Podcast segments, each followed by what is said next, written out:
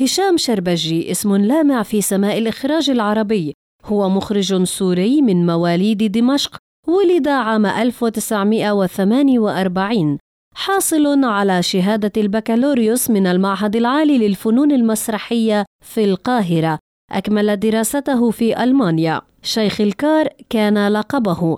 فأبدع بإخراج المسلسلات الكوميدية التي تعالج قضايا الناس بشكل بسيط. فأعماله كانت قريبة من هموم الناس في كل مكان. كانت له البصمة الأكبر عندما أطلق مع الفنان ياسر العظمة سلسلة المسلسلات السورية الكوميدية الشهيرة مرايا ابتداء من مرايا 84 ثم مرايا 86 ومرايا 88 قبل أن يبتعد عن إخراج السلسلة ليعود لها عام 2006 أعمال تلفزيونية سورية وعربية شاهدناها كانت من توقيع هشام شربجي ومنها أجزاء عائلة خمس نجوم وست نجوم وسبع نجوم وثمان نجوم. يوميات مدير عام بطل من هذا الزمان أسرار المدينة أحلام أبو الهنا بنات أكريكوز قلة ذوق وكترة غلبة أيامنا الحلوة وأجزاء من سلسلة بقع الضوء وكانت له بصمة في الكوميديا السعودية فأخرج الجزء السادس عشر